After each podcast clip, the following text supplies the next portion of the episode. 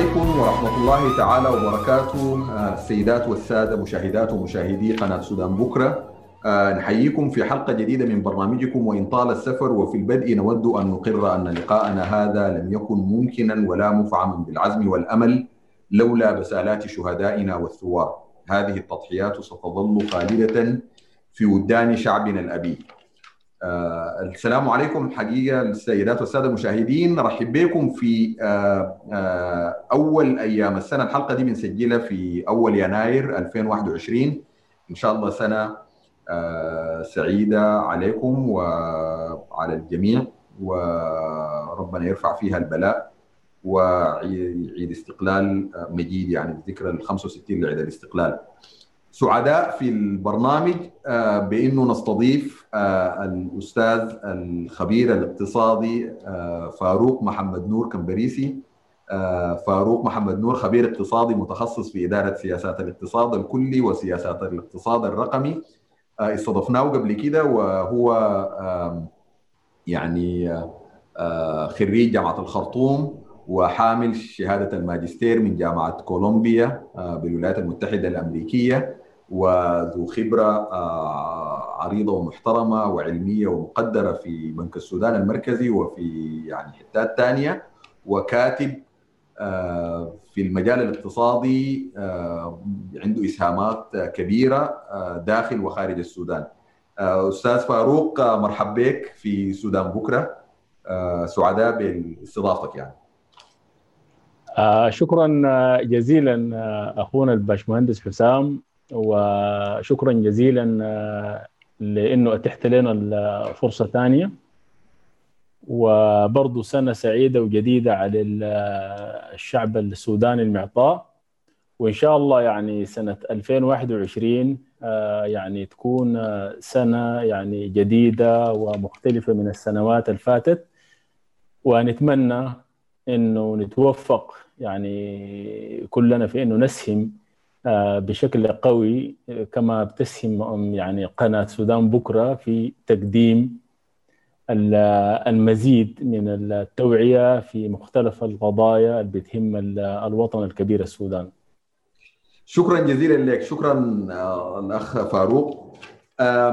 طبعا اللقاء ده في وقته نحن كنا المفروض نعمله في ديسمبر يعني لكن حنتناول فيه جانبين مهمين جدا جدا من التطورات اللي حصلت في ال في ال على الساحة الدولية والساحة السياسية السودانية يعني اللي هم موضوع رفع العقوبات وما يترتب عليه يعني رفع العقوبات رفع السود مش رفع العقوبات هو الحقيقة رفع السودان من قائمة الدول الراعية للإرهاب الأمريكية. وما يترتب على الحاجة دي نحن عايزين نشوف الآثار بتاعتها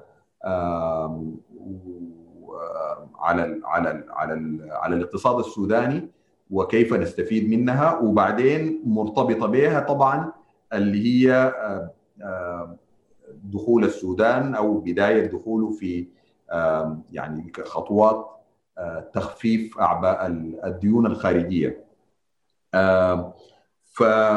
فالحاجه دي طبعا يعني واحدة من أولويات الحكومة الحكومة الانتقالية الدكتور عبد الله حمدوك والطاقم الحكومي يعني من بداية ما وصلوا للسلطة أو بيتكلموا عن أهمية رفع السودان من قائمة الدول الراعية للإرهاب.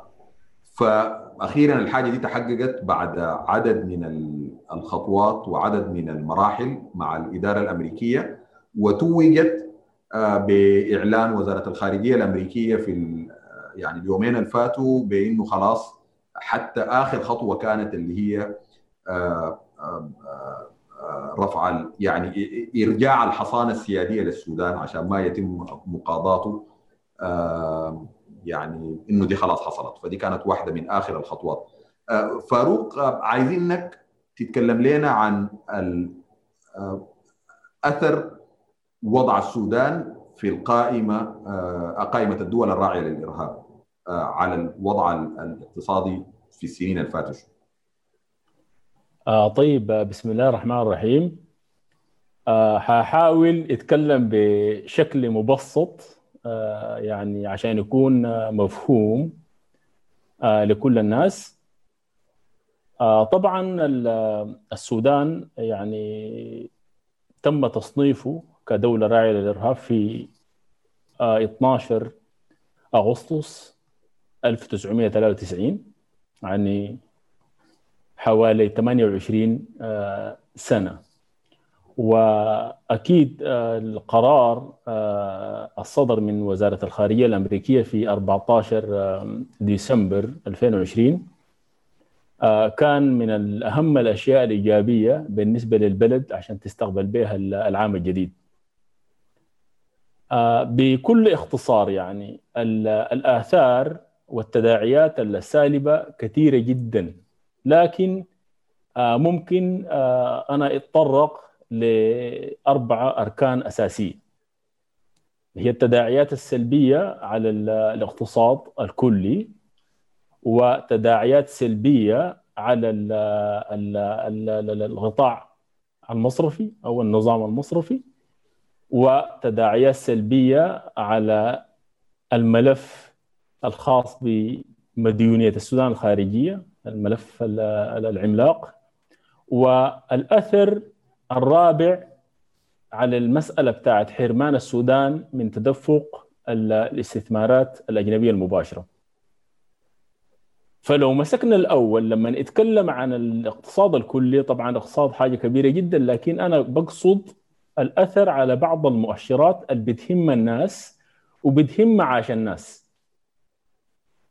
فلو أخذنا مثلا إنه أثر العقوبات أو أثر يعني إدراج السودان في القائمة كان ظاهر جدا جدا عندنا في المسألة بتاعت التوسع النقدي.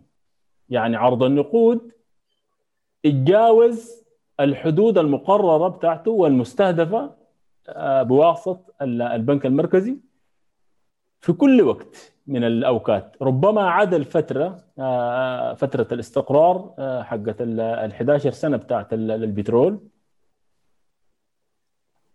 دي جات من حاجة واحدة بس إنه الحكومة المركزية ما كان عندها طريقة تحصل على يعني تمويل وقروض ومساعدات من الخارج عشان تغطي بها عجز الحساب الخارجي. فبتضطر الحكومة في ظل عدم الحصول على الموارد من برا وقروض ميسرة بتلجأ لأنه بتتوسع في أدوات الدين الداخلي اللي هي ممكن تطرح شهادة شهامة ممكن تعمل ضمانات ممكن صكوك ممكن تطبع يعني يعني عملة يعني عشان تشتري بها الذهب عشان توديه لشراء السلع الاستراتيجية ومعروفة طبعا الأزمة بتاعت فروقات أسعار الذهب. فدي كلها بسبب الحظر بتاع الحكومة في إنه ما عندها وصول لموارد عشان تسد بها فجوه التمويل الخارجي. ومباشرة الأثر إنه المعروض النقدي زاد بشكل أكبر مما يجب. ظهر طوالي مباشرة في تخفيض قيمة العملة الوطنية مقابل العملات الأجنبية وطوال الأثر انتقل لمعدلات التضخم ده الحقيقة الأولى الحقيقة الثانية جاية من الحقيقة الأولى نفسها في إنه يعني وجود السودان في قائمة الإرهاب خلى إنه يعني يعني في مضاربات وفي ممارسات مزعزعة جدا بالنسبة لسياسه سعر الصرف. الحكومة ما بتقدر في ظل إنه هي يعني تكون عندها يعني يعني بتغطي العجز الحساب الخارجي بال عن طريق يعني أدوات داخلية دي اثرت على قدرة الحكومة في إنه تقدر توفر يعني يعني يعني يعني طريق يعني سهل جدا جدا بالنسبة لها يسهل مهمتها في إنه تعمل سياسات لإصلاح نظام سعر الصرف لأنه وجود السودان في القائمة يعني ثبت إنه مزعزع تماما بالنسبة لي ال ال ال الاستقرار بتاع سعر الصرف.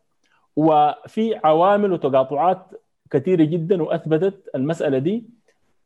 والدليل على ذلك إنه وجود السودان في القائمة يعني خلى يعني 80% من الترانزاكشنز من المعاملات تتم في السوق الموازي. ونظام التجارة الخارجية طلع من السوق الرسمي للسوق غير الرسمي لأنه السوق الرسمي ما فيه موارد والسوق الرسمي أو النظام المصرفي الرسمي ما عنده قدرة في إنه يقدر يصل آه، النظام المصرفي الاقليمي أو النظام المصرفي الدولي يعني. دي واحدة من الحاجات الخطيرة جدا جدا الآثار بتاعت يعني وجود السودان في القائمة. آه، الحاجة الثالثة اللي هي دي برضه مرتبطة بالحاجة الثانية اللي هي المسألة بتاعت الانسحاب المتتالي للبنوك المراسلة اللي هو علاقات البنوك المراسلة بتسمع بها اللي هي البنوك الدولية أو الإقليمية اللي بتتعامل مع بنوكنا السودانية. أفتكر إنه بعد يعني دخول السودان في القائمة في 93 برضه في 97 جاءت العقوبات الاقتصادية بموجب الأمر التنفيذي 13412 وده برضه يعني زاد الطين بلة يعني.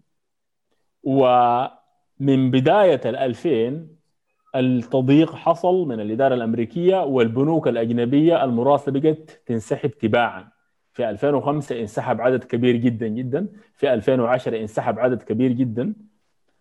غاصمة الظهر حصلت في منتصف 2014 كان حصل تضييق شديد جدا عن طريق مكتب مراقبة الأصول الأجنبية الأوفاك. وكانت حصلت يعني غرامة كبيرة جدا لبنك بي ام بي بي ام بي باريبا باريس. واتغرم حوالي 9 مليار دولار في تجاوزات مع الحكومة السودانية. ودي كانت القاصمة يعني. في ذات السنة بنك السودان نفسه فقد أكثر من 85% من المراسلين له زي 11 مراسل فقط. وخلاص بقت يعني السودان بقى وصل مرحلة صعبة جدا جدا والبنوك بقت في عزلة تامة. وبقت إنه السلع الاستراتيجية أو عملية الاستيراد والصادر والوارد بقت في إشكالية كبيرة جدا جدا لأنه بقى عندنا عدد محدود جدا جدا وفي إطار ضيق يعني للتعاملات من برا. دي كلها بسبب القائمة. آه الأثر الأخير اللي هو لو أنت أخذته انه وجود السودان في القائمة أصلا ما كان بيخلي إنه يمشي خطوة في المسألة بتاعه تخفيف أعباء الديون. ليه؟ لأنه أساسا وجود السودان في القائمة معناها اوتوماتيكلي يعني بيقع في طائلة قانون المساعدات الخارجية للدول بتاع الولايات المتحدة فالقانون ده بيمنعك من إنه يعني الولايات المتحدة ما حتديك مساعدات عادة الإنسانية والولايات المتحدة ما حتخلي البنك الدولي وصندوق النقد الدولي يدوك مساعدات أو معونات أصلا. والولايات المتحدة حتعارض تماما إنه أي جهود يقوم بها السودان في إطار تخفيف أعباء الديون الخارجية. وده برضه كان واحدة عشان كده دائما بتلقى إنه ما في أي تقدم أنت بتحرزه كحكومة أو كبلد في مجال الديون الخارجية طالما السودان هو موجود في تصنيف قائمه الدول الراعية للإرهاب.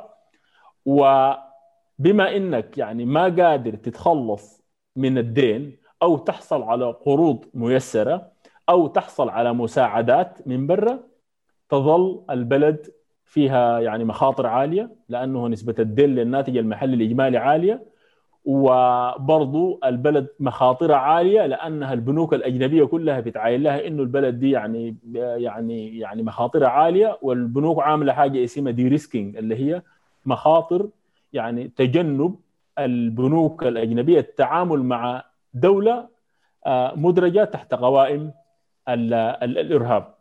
فالعوامل دي كلها طبعا والمخاطر دي أثرت على جاذبية السودان كبلد آمن للاستثمارات الأجنبية المباشرة وإلا يعني منها العدد القليل من الاستثمارات لأنه هم مقدرين حجم المخاطر وهم دخلوا في السودان لكن ما في تدفق للاستثمارات بالشكل الممكن يعني يعني يحسن يعني وضع البلد ويحسن مستوى الاقتصاد الكلي للسودان.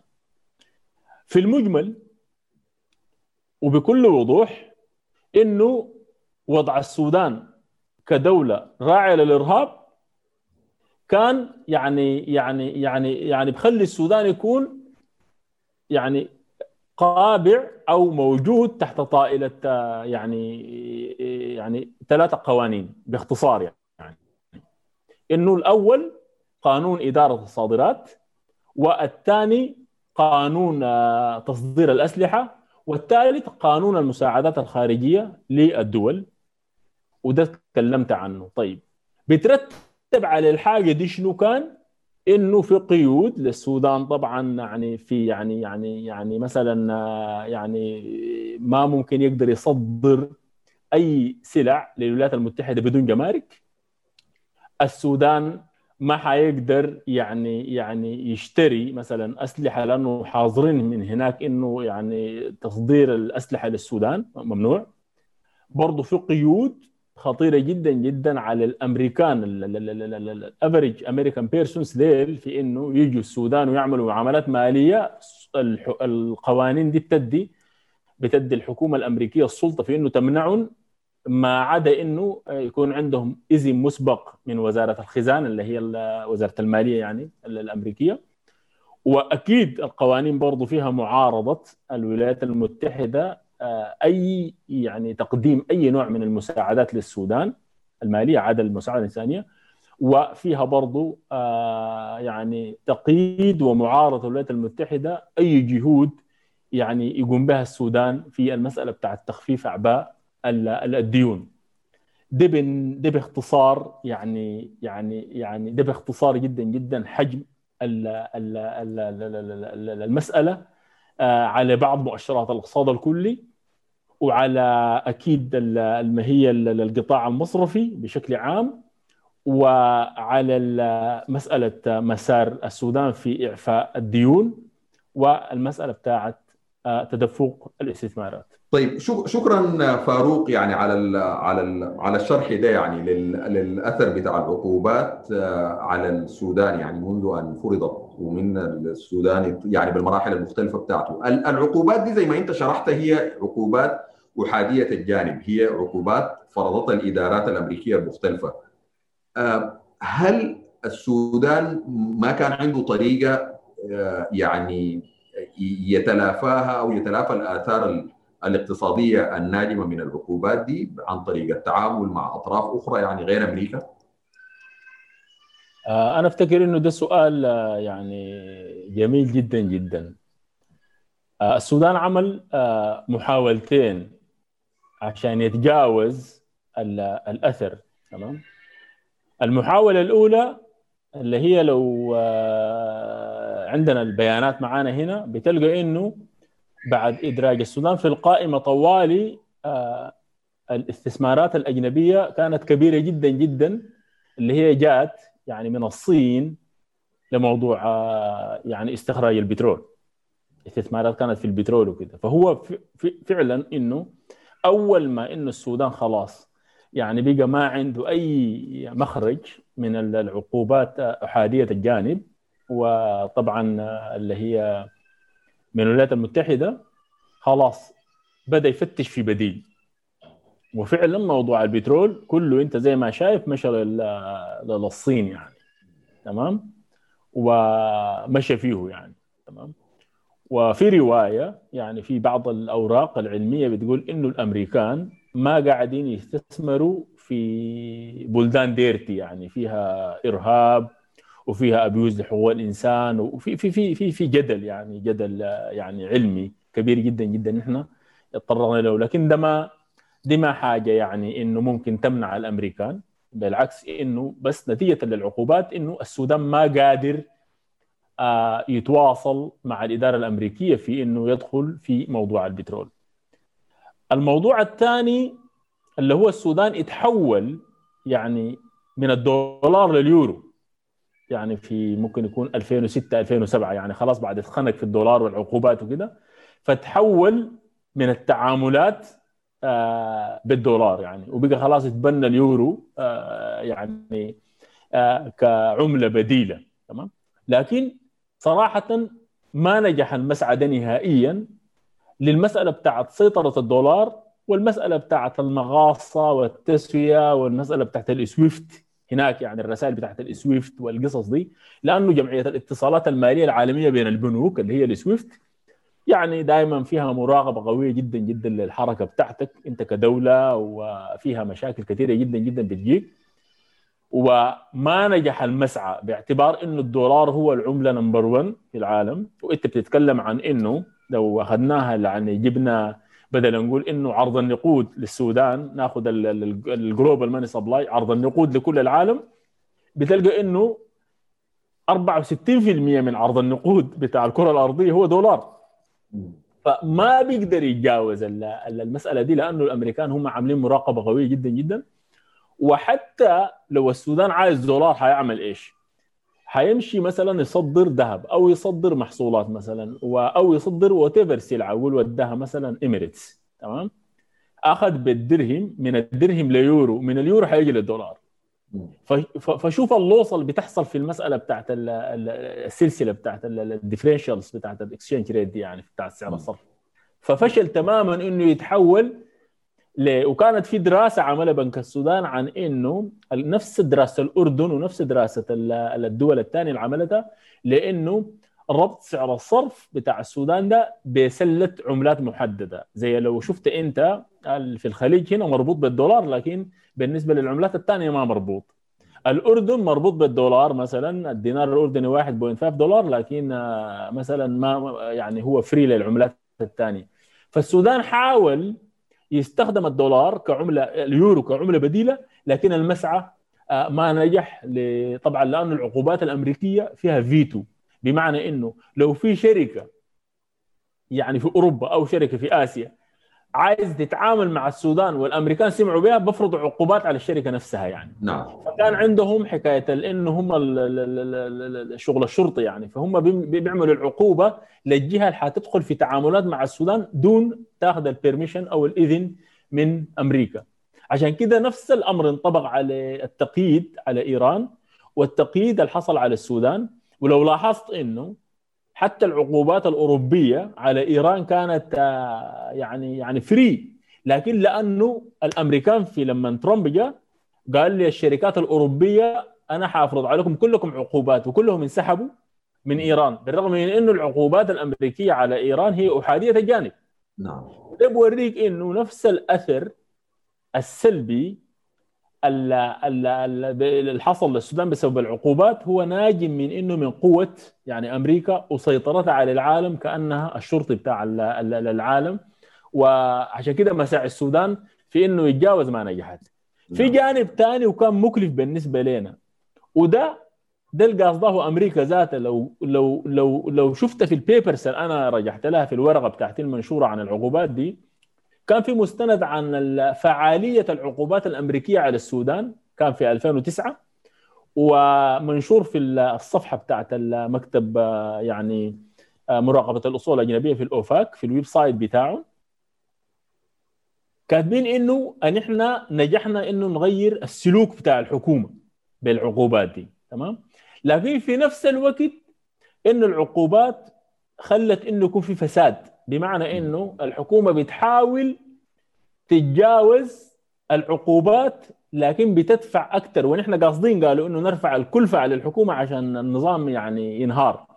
فهم العقوبات دي قالوا واحدة من أهدافها إنه وسيلة للضغط على الحكومة إنه تكون حكومة فاسدة يكون حكومة عندها رشاوى بتستورد بطرق ملتوية والتكلفة عالية. ولو لاحظت الحاجة دي ظاهره في النظم يعني النظم التقنية وال وال وال وكل الحاجات بتاعت اللي بتيجي للسودان بتلقاها بتيجي بتكلفة أعلى مما يجب لأننا نحن ما عندنا إمكانية إنه نقدر نستورد بسلاسة مع العالم الخارجي.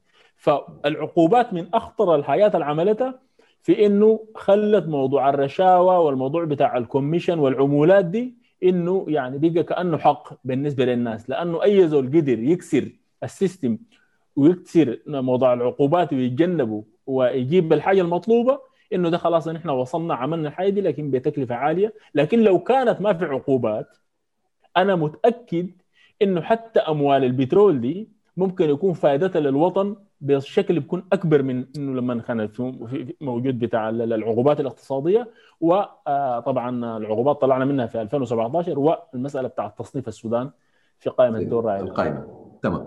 طيب شكرا. ده شرح وافي. أنا شاكر لك أستاذ فاروق. طيب دي الآثار السيئة. نحن الحمد لله هو بالمجهودات الضخمة اللي تكلم عنها وشرحها.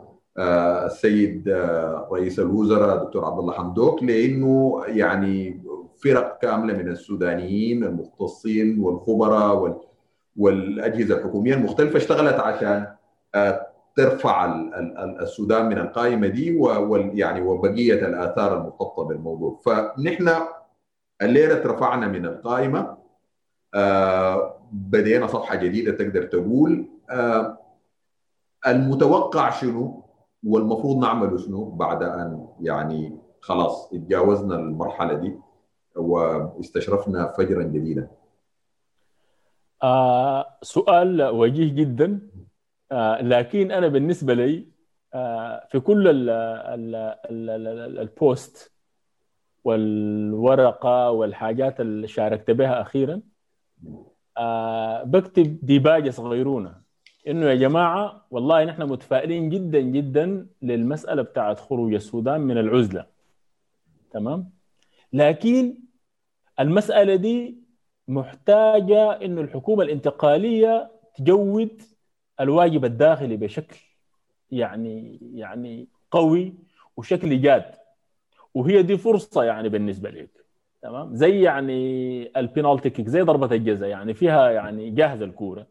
فممكن عادي يعني تشوت برا القائم أو يمسك الحارس أو كده فالأساينمنت الداخلي بتاع الحكومة ده أهم أهم أهم أهم أهم من ال ال ال ال ال كل الأشياء اللي حصلت. حتى يعني آه يعني يعني الدول ال ال ال اللي استفادت فعلا من قرارات كبيرة زي دي. يعني آه دولة تكون هي كلوز مغلقة.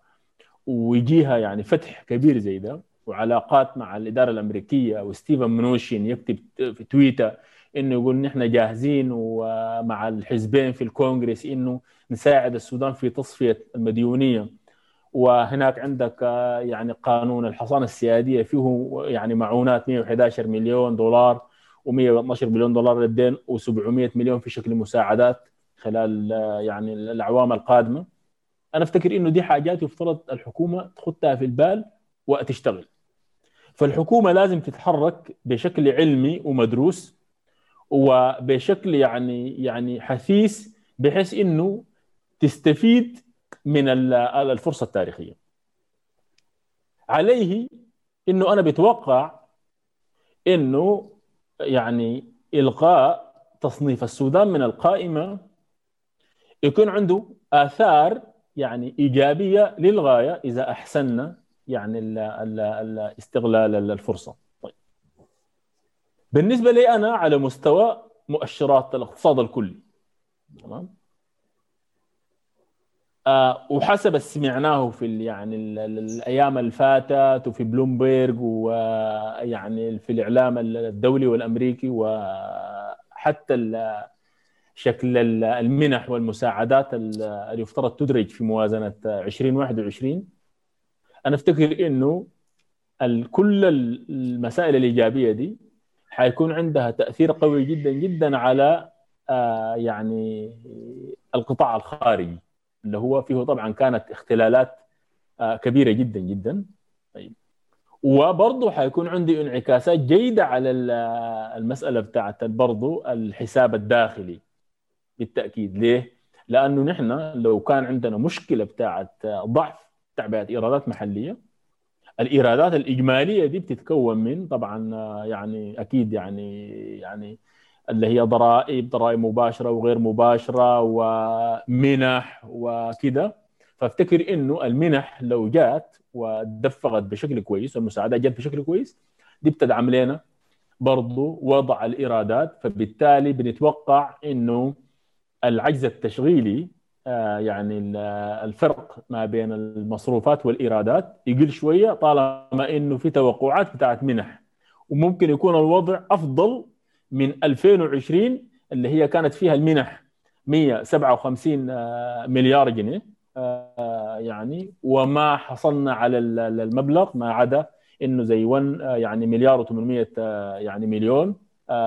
من الأصدقاء السودان وما كل الدعومات دعومات طبعا نقدية كلها بليدجز وعود لمشروعات وفي أجزاء بسيطة من المبلغ جات للكورونا وللمسائل الإنسانية وللاجئين وكده ففي الناحية بتاعت القطاع الخارجي إذا نحن تحصلنا على مبالغ يعني قول مثلا تعمل لنا 50% فقط من فجوة التمويل الخارجي ال external financing gap اللي هي مقدرة ب 4 مليار ونص دولار. فلو حصلنا على مساعدات فقط 50% من الفجوة دي ممكن نحن نأثر على عجز الحساب الجاري ونرجعه للحدود الآمنة اللي هي حتكون في 5% من الناتج المحلي الإجمالي. والآن طبعا عجز الحساب الجاري هو 13% من الناتج المحلي الإجمالي لأنه الفجوة بتاعتك هي اولموست يعني 4.5 مليار دولار ل 5 مليار دولار. حصولك على المساعدات دي وتقليلك للفجوة يعني بتاعت الحساب فجوة طبعا التمويل الخارجي. ودي ممكن تساعدك في إنه تعمل سياسة يعني صحيحة وسليمة آه لسعر الصرف الإسمي اللي هو سعر الصرف يعني عرفت كويس؟ فلأنه بتكون أنت على الأقل عندك آه يعني آه دعم متوقع يدعم لك القطاع الخارجي. والدعم الخارجي ده مهم جدا جدا لأنه بوقفك من إنه لأنك أنت الدعم الخارجي ده لما يكون ما موجود بتسده بال... بال... بالاستدانة بالطباعة من البنك بتسده بموارد غير حقيقية. وأول ما تسده بموارد غير حقيقية طوالي الدوام الإسبايرال بتشتغل في إنه أنت بكون عندك كل ما زدت نرجع ثاني لأنه طبعت زيادة حيتدهور أو حتنخفض قيمة العملة العملة الوطنية بتاعتك وحيجيك التضخم ففي المجمل أول تأثير ممكن يكون يعني حيكون في حال استلام المنح والمساعدات والقروض. يعني ده بيكون عنده تأثير على الحسابين الداخلي والخارجي وربما يساعدك في إنه زي ما قلت إذا جاتك منح معناها أنت حتحافظ برضه على إنه عجز الموازنة بتاعتك ممكن تخليه برضه في الحدود الآمنة وهو يعني 3% واقل أو أقل منها من الناتج المحلي الإجمالي ده الأثر البسيط على الحاجة إن إحنا بتاعتنا دائما بنتكلم عنها هي يعني مشكلة العجزين اللي هي ال twin deficits طيب. الحاجة الثانية ودي ممكن تحصل بشكل أسرع كمان من الحاجة الأولى لانها هذيك بتعتمد على منح وانفتاح وأشياء اللي هي إدماج النظام المصرفي وترقية الأداء بتاع الجهاز المصرفي والمصارف السودانية. تمام؟ طيب. آه تقريبا الآن في قرار رسمي طلع في إنه خلاص إنه لازم تكونسيدر إنه نخط النظام المصرفي التقليدي بجانب النظام المصرفي الإسلامي يبقى في نافذتين يعني. تمام؟ طيب. ودي ممكن يعني ممكن تخلي ناس هم ما عندهم رغبة إنه يشتغلوا في النظام الإسلامي ممكن تجيب لنا استثمارات ضخمة جدا في القطاع المصرفي لبنوك أجنبية تشتغل فيه بالنظام التقليدي. دي واحدة من الحاجات يعني في هل صدر قرار يعني في الحاجة دي؟ صدر صدر, صدر, أيوة. صدر قرار أيوه. والسيب يعني ده القرار ده بيصدر من من بنك السودان عادة مش كده لا ولا لا ولا من الحكومة؟ القرار ده طلع القرار ده طلع عفوا من مجلس الوزراء مجلس الوزراء. ومشى منه للجهات الرسمية ومشت منه كوبي لاتحاد المصارف السوداني وبيدرسوا في في في في الموضوع يعني. نعم نعم. هو النظام النافذتين زمان بيتكلموا نظام النافذتين يعني. النافذتين. أيوه. أيوه. نظام يعني تقليدي ونظام إسلامي. اسلام طيب. طيب.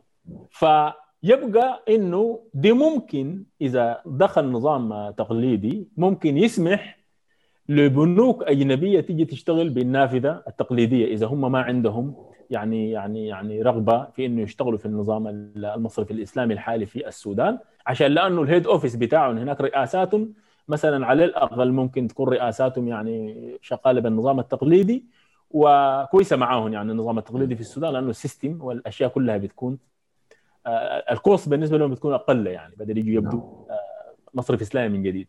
طيب.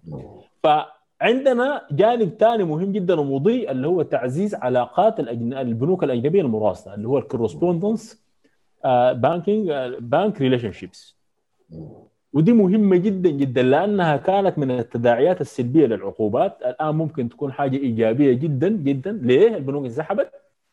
لأنه العقوبات ووجود السودان في القائمة كان بخلوه بلد عالية المخاطر. والبنوك كلها متخوفة من إنه تتعامل مع بلد مدرجة تحت قوائم الإرهاب.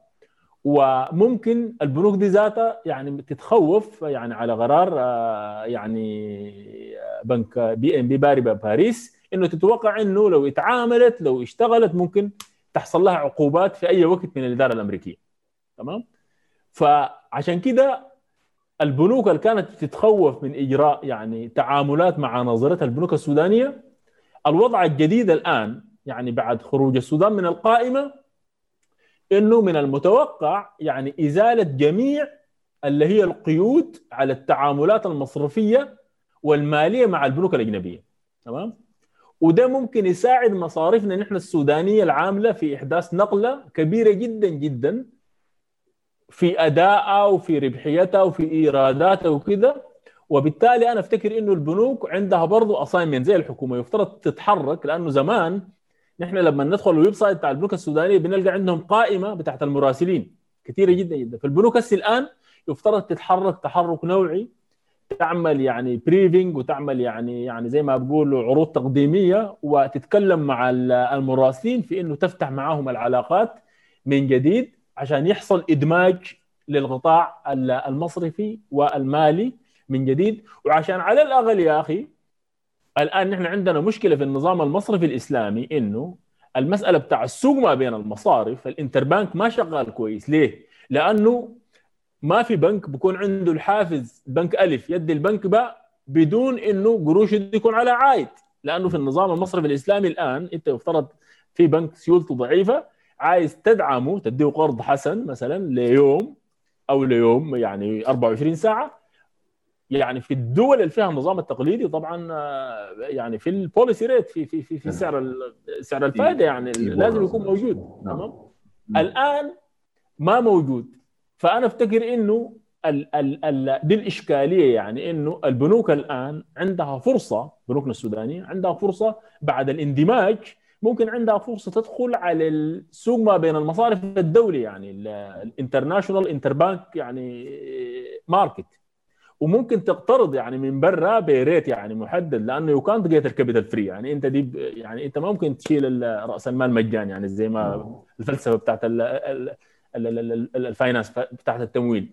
فدي دي مهمة جدا جدا. طبعا في حال يعني يعني يعني تم نظام تقليدي في السودان ال interbank اللي هو سوق ما بين المصارف طبعا لإدارة السيولة مثلا أغراض إدارة السيولة بيكون easy جدا جدا. لو الليلة في بنك آه، حساباته يعني الحساب الجاري بتاعه ضرب بنك. السودان كاشف ممكن عادي يستلف من بنك ب rate محدد وال rate بيكون طالع من بنك السودان المركزي وزيه وزي أي تعاملات بتاعه interest based economy يعني.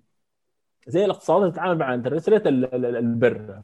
فالبنوك بيكون عندها room نعم. تتعامل في الداخل وعندها برضه access ووصول للبنوك البره طيب. آه الحاجة الثالثة في الفوائد المتوقعة برضو إنه ممكن المصارف بتستطيع إنه يعني إعادة التعامل عبر التقاص بالنقد الأجنبي، زمان كانت طبعا البنوك السودانية عندها تعامل مع المراسلين البرة وكانت في في في في المقاصة بتاعت التسويات العالمية لعقود طويلة لكن الآن ما موجودة، الحاجة دي لما تحصل بتساعدنا يا جماعة في موضوع إصلاح نظام التجارة الخارجية ودي حاجة مهمة جدا جدا إنه تعمل التسويات من برا. وأديك لها مثال صغيرون. لما البنوك تدخل خدمة ال Visa card وال Mastercard تمام؟ ال mechanism دي بيشتغل يعني يعني كويس إنه لما البنوك خلاص تسمح بالخدمة بتاعت تدي يعني يعني آه، آه، يعني debit card طبعا هي الآن حتكون لأنه نظام إسلامي حتدي debit card وكده. وبعد ذاك لما يتحول طبعا آه، ممكن تدي credit card وانه البنوك الإسلامية في دول الخليج أو الدول اللي فيها نظام إسلامي برضو عندها credit card أيوه. شغال يعني. اللي هو الفرق الفرق بينهم ال credit card طبعا اللي هو بطاقة الاعتماد ال debit card اللي هي أنت ما بتقدر تصرف إلا الرصيد بتاعك القاعد في الحساب بتاعك. ال credit card اللي هي بطاقة بيسموها الائتمان مش كده؟ آه اللي هي دي انت ممكن يكون عندك عندك رصيد ما بالضرورة ده حسابك في البنك لكن بتقدر آه رصيد معين زيادة ممكن تصرف منه. يعني لو عندك مرتب شهري فيه مثلا 10000 جنيه تمام؟ ومرتبك ده أصبح صفر لما يكون عندك ال credit card بتديك سحب على المكشوف overdraft يعني. تمام نعم. بتخليك تسحب تسحب تسحب تشتري عادي من البقالات وتشتري من المول وتشتري من أي حتة واونلاين وتجاره الكترونيه what آه طبعا عندك سقف بحدده لك البنك هي عبارة عن تمويل يعني فبعد 52 يوم أو بعد 40 يوم أو حسب ال date اللي بحدده البنك بعد ذاك بيفرض عليك interest إذا ما سددت أيوه, أيوة. آه بحط عليك فائده إذا تجاوزت الحدود الموقع عندك في الاتفاقية بينك وبين نعم. البنك ده الفرق يعني بمعنى أيوة. إنه. ال credit card هي بطاقة ائتمانية بتسمح لك إنه تسحب وتستفيد من البنك حتى لو ما عندك آه رصيد. نعم. عكس ال debit card اللي هي بتقدر تسحب بس المبالغ الموجودة آه عندك في في الحاجات. ف... ودي برضه أيوه. تفضل. نعم. تفضل. أيوه. آه طيب. دي دي المسألة بتاعت الفائدة بتاعت الانفتاح والمسألة بتاعت السمح وخليني طيب يا فاروق بس أقاطعك معلش أضيف إنه يعني أنت لأنك ذكرت المثال بتاع الخليج اللي هو ممكن يكون واضح بالنسبة لناس كتار اللي هنا إنه النظام بتاع النافذتين ده عشان يعني من يعني النظام بتاع النافذتين ده موجود في في في في دول يعني دول كثيرة منها دول الخليج اللي هي هداك البنك الإسلامي قاعد وهداك البنك التقليدي قاعد. أنت عايز تتعامل مع ده تعامل. عايز تتعامل مع ده تتعامل و والخيار لك يعني. ف... نعم. فيعني نحن ما قاعدين نعمل حاجة آه يعني أتينا بدعا من الرسل يعني. مش كده؟ يعني حاجة موجودة و... لا لا في عشان ما أعمم أقول لك الخليج البعيد السعودية يعني. السعودية. يعني. أيوه. فيها أيوة. نظام مصرفي تقليدي م. وفيها نظام مصرفي إسلامي. نعم. وانت عندك الحق إنه يعني آه، تجوز الحاجة دي يعني في نعم. تمام. تمام. ويعني يعني سبحان الله حتى البنوك الإسلامية في الخليج كل دول الخليج الستة عندهم يعني بطاقات ائتمان. يعني بيسمحوا نعم. للزول ممكن يسحب بأوفر درافت يعني حسب نعم. الحاجات وعندهم لها طبعا. بس الفرق هنا ما بسموها سعر فايدة. لما أيوه. يتجاوز العميل بسموها بسموها أجرة. يعني معدل الأجرة اللي هو أجرة فيه رسوم نعم. الأجرة بتاعت البطاقة يعني عشان أيوة. كلمة أيوة. أجرة وهي أجرة ليه؟ لأنها قائمة على صيغة الاجاره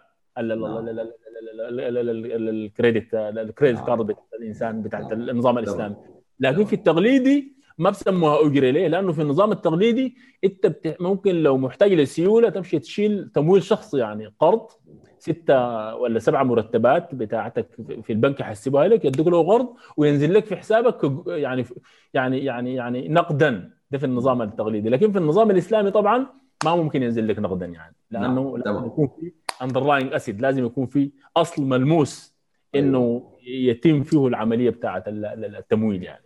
طيب. آه، من الآثار برضو الإيجابية في النقطة بتاعت إدماج النظام المصرفي وتحسين ادائه اللي هي يعني آه، طبعا أكيد في حاجة معروفة طبعا سمعت فيها والناس كلها سمعوا فيها اللي هي مشاكل حصائل الصادر. تمام؟ حصائل الصادرات دي طبعا واحدة من الأكبر العقبات اللي بتواجه الحكومة من 2011 يعني من الانفصال يعني. آه ليه؟ لأنه في النهاية برضه واحدة من الآثار الخطيرة إنه وجودك في القائمة دي ذاته أثر على فجوة سعر الصرف بشكل غير مباشر يعني. تمام؟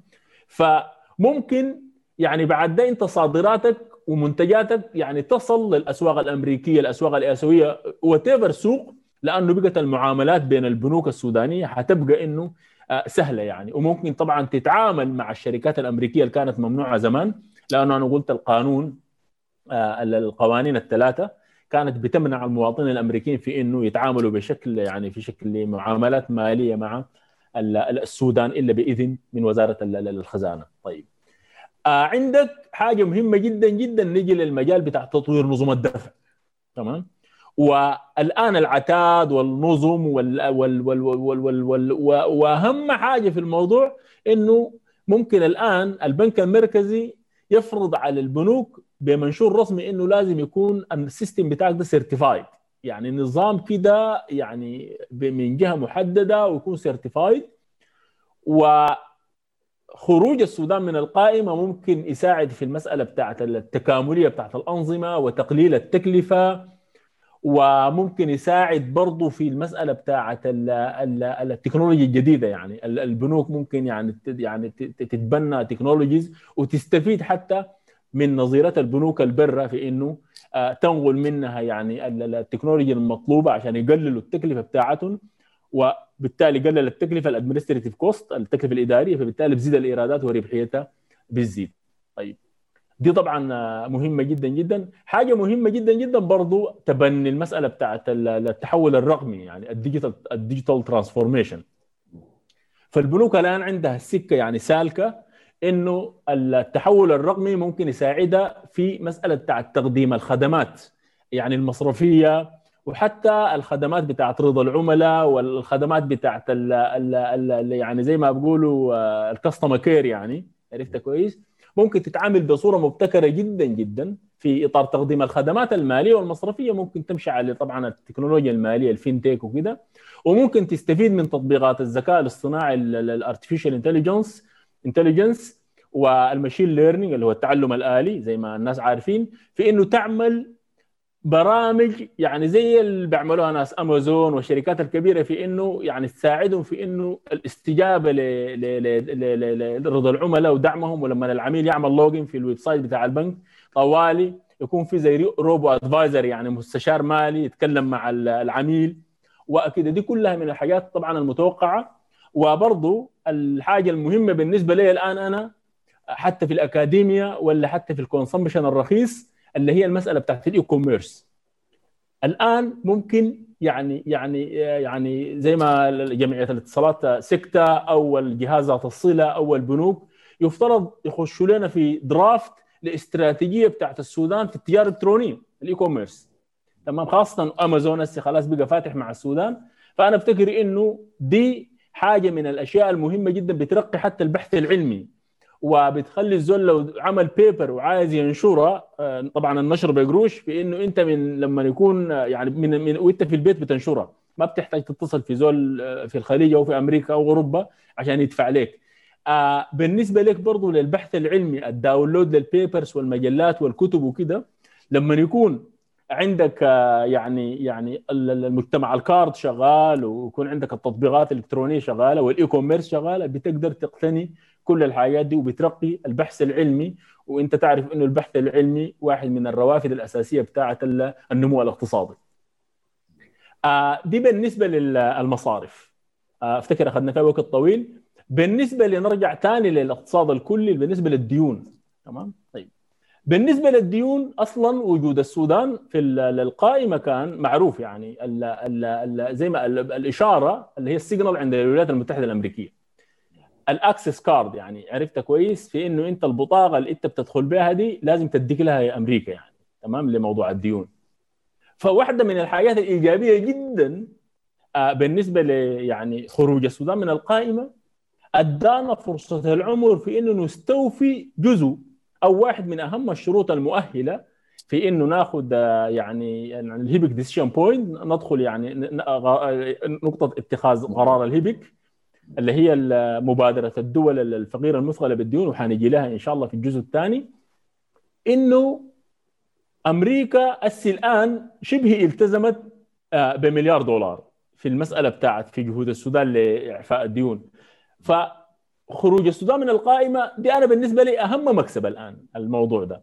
في إنه بتقدر تحصل على يعني قرض تجسيري أو قرض bridge. معبري اللي هو bridge loan أو bridge financing ده ما كان أمريكا ما كان لما العقوبات كانت موجودة والسودان في القائمة كان موجود ما كان ممكن تحصل عليه أصلا يعني تمام؟ لأنه ال signal عند أمريكا يعني في في الحاجات. فخروج السودان من القائمة حيخليه يحصل على دعم مقدر من الأصدقاء النرويج بريطانيا دول الخليج أمريكا أوروبا اليابان China المهم what إنه يحصل على 2 مليار و600 مليون اللي هي دي الديون السيادية آه، تبع البنك الدولي وصندوق النقد الدولي وبنك التنمية الأفريقي.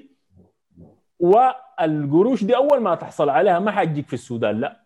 العقوبات يعني طلعت منها خلاص القروش دي لو تحصلت عليها من الأصدقاء حتمشي تديها للمؤسسات السيادية مباشرة؟ وهم بيعتبروا خلاص إنه بسجلوا في دفاترهم إنه السودان سدد. بعد 48 ساعة حيرجعوا القروش دي للجهات اللي دفعتها لكن الجود نيوز شنو؟ إنه المؤسسات دي حتجدول لك المديونية من جديد كأنك سددتها.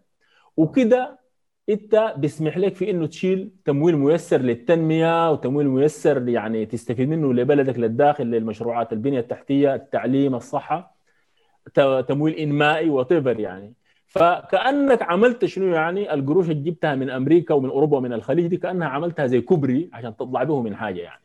نعم. دي فائدة العقوبات يعني فائدة خروج السودان ما القروش ما هي ما بتدخل لنا نحن وبتدخل للمؤسسات دي وبترجع ثاني للناس اللي دفعوها. آه، لكن بس بتكون في الوقت ده بالنسبة في للدفاتر زي ما قلت إنه نحن سددنا الدين والدين ده يعني بيتجدول بعد كده بشروط لكن بيفتح لنا المجال لتمويل ومنح وديون أخرى.